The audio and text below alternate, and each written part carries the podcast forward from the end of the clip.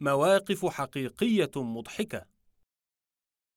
كثيرة هي المواقف الطريفة التي نتعرض لها في حياتنا. وكلما تذكرناها ضحكنا عليها من قلوبنا.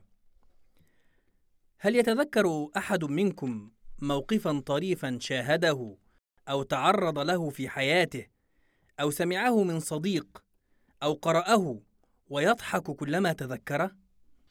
أنا أتذكر موقفا طريفا.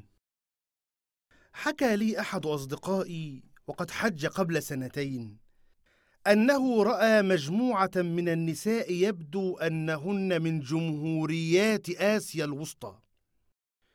يتقدمهن رجل من بلادهن يقرأ العربية لكنه لا يفهمها.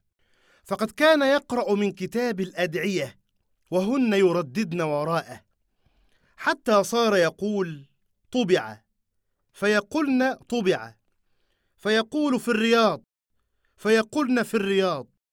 فيقول في مطبعتي. فيقولن في مطبعتي إلى آخره.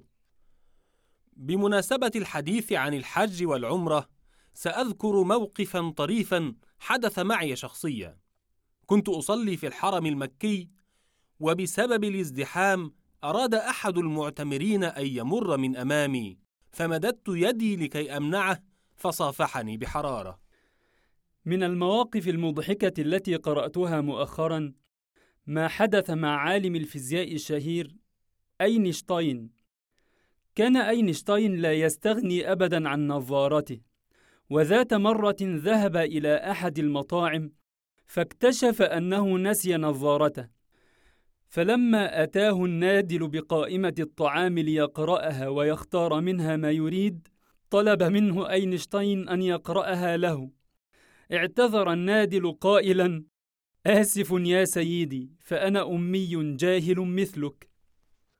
حكى لي أحد أصدقائي من تركيا أنه عندما جاء إلى دولة عربية في أول زيارة له أراد أن يمارس اللغة العربية الفصحى مع الناس في الشارع فركب سيارة أجرة ثم قال للسائق هذه العبارة كلمة كلمة وببطء شديد.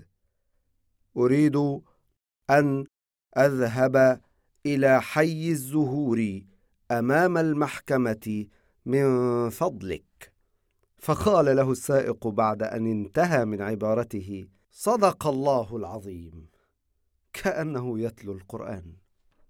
نتقدم بخالص الشكر والتقدير لكل الأعضاء المشاركين الذين أثروا هذا المنتدى بمشاركاتهم الرائعة.